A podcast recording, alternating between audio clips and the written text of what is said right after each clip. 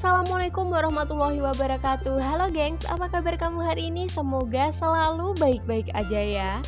Nah di episode kali ini, di episode 33 masih bareng aku tentunya Monica Imai di KKN Podcast.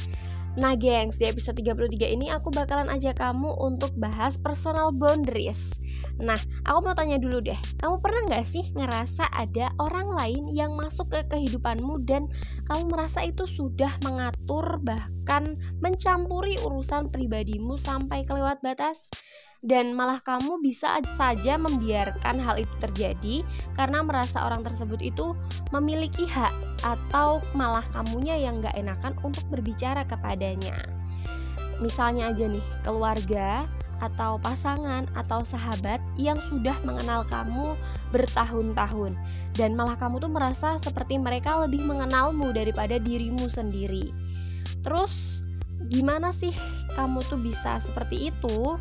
dan mengambil pemikiran bahwa kamu itu lebih tidak mengenal dirimu sendiri dan kamu itu merasa setiap keputusan itu seolah-olah seperti membutuhkan campur tangan dari mereka. Nah, dilansir dari 1%.net, itu keberanian untuk memberikan batasan, ruang, jarak antara kamu dan mereka disebut dengan personal boundaries jika kamu membentuk personal boundaries atau itu akan memberikan kesejahteraan dan kesehatan mental untuk kamu sendiri loh. Kalau kamu nggak memiliki personal boundaries itu ibarat kamu membuka pintu rumahmu atau menutup pintu rumahmu tanpa kamu kunci dan seseorang itu bakalan masuk dengan seenaknya bahkan mengambil atau merusak barangmu. Nah, jadi kamu bisa harus dan bisa saja memberikan batasan antara kamu dan mereka ini hak personalmu untuk memberikan privasi pada dirimu sendiri. Jangan biarkan orang lain terlalu ikut campur tentang urusan pribadimu, gengs. Baik itu keluarga, pasangan, hingga sahabat. Itu tidak memiliki hak untuk mengatur kehidupanmu. Jadi, personal boundaries atau batasan diri merupakan sebuah batasan, pedoman, atau aturan yang dibuat seseorang dalam mengidentifikasikan cara yang masuk akal aman dan diperbolehkan bagi orang lain untuk berperilaku terhadap mereka dan bagaimana mereka akan merespon ketika seseorang melewati batasan tersebut. Umumnya nih, personal boundaries diartikan sebagai bentuk batasan seseorang untuk menolak dan berani mengatakan suka atau nggak suka. Namun, ternyata personal boundaries itu ada yang sehat dan ada yang buruk loh. Dan tentunya kita harus membentuknya secara sehat kan? Jadi bentuk personal boundaries itu nggak hanya dalam bentuk emosional gengs tapi juga bisa dalam bentuk fisik, mental, psikologis, dan spiritual. Keyakinan, intuisi, serta harga diri yang mungkin terjadi dalam kehidupan sehari-hari kita. Nah, Bentuk personal boundaries yang pertama yaitu material boundaries. Materi bisa berupa uang, mobil, pakaian, atau buku. Dengan batasan diri, kamu bisa menentukan untuk memberi atau meminjamkan barang-barangmu kepada orang lain. Misalnya nih, kamu menolak untuk meminjamkan baju kepada saudara walaupun kamu dengan saudara udah lama saling kenal kan?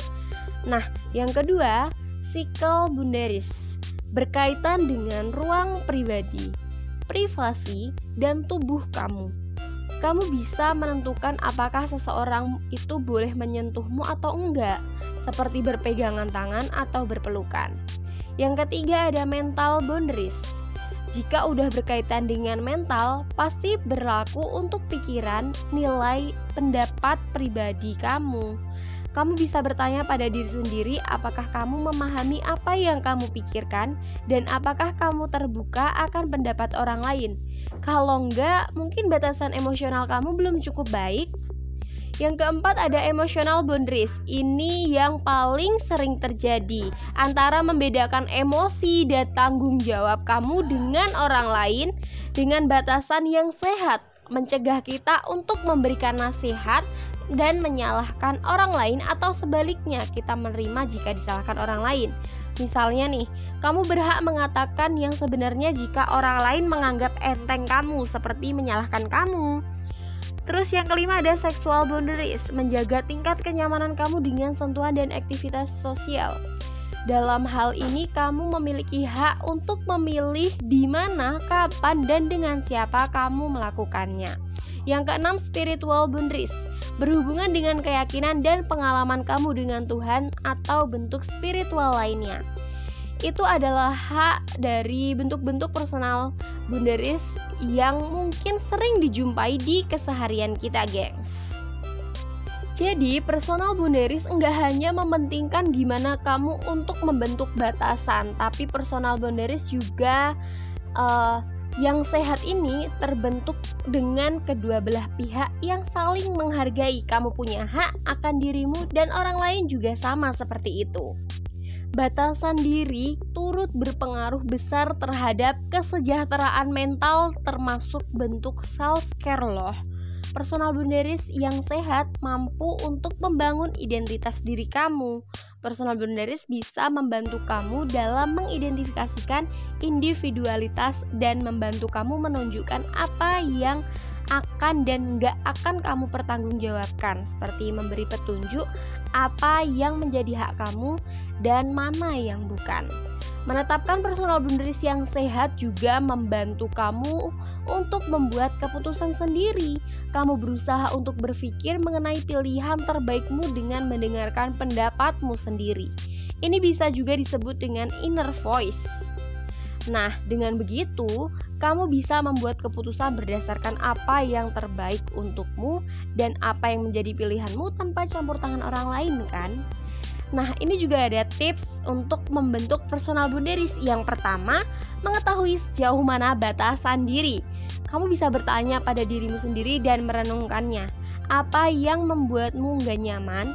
Apa yang membuatmu nggak setuju?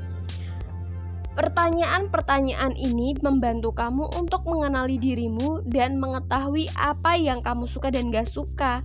Contohnya, aku nggak merasa nyaman ketika rekan kerjaku menanyakan hal yang bersifat pribadi. Nah, yang kedua perlu bersikap tegas dalam personal boundaries. Berani untuk menolak hal yang membuatmu gak nyaman, berani untuk mengatakan enggak Sikap seperti ini juga membantu kamu untuk menghentikan seseorang yang udah terlalu jauh ikut campur dalam kehidupanmu. Yang ketiga, just do it. Semuanya enggak berarti kalau enggak dilakukan. Betul, kadang membuat batasan kamu antar dengan mereka, apalagi orang-orang terdekat terkesan egois. Tapi kita tetap butuh waktu untuk mencari kenyamanan diri sendiri, untuk memahami diri sendiri Nah, kamu bisa menerapkan hal ini dari yang kecil dan komunikasi yang baik. Pemahaman tentang diri, mengetahui apa yang membuatmu nyaman dan enggak nyaman, membantu kamu untuk menghargai dirimu sendiri. Nah, sekian informasi dari aku tentang personal boundaries. Jika kamu masih ingin mengetahui lebih lanjut, kamu bisa mencari taunya di satu persen ya, gengs. Nah, Sekian, terima kasih, dan mohon maaf bila ada kata-kata yang salah atau kurang tepat pengucapannya. Kenali dirimu untuk mengenal Tuhanmu. Wassalamualaikum warahmatullahi wabarakatuh.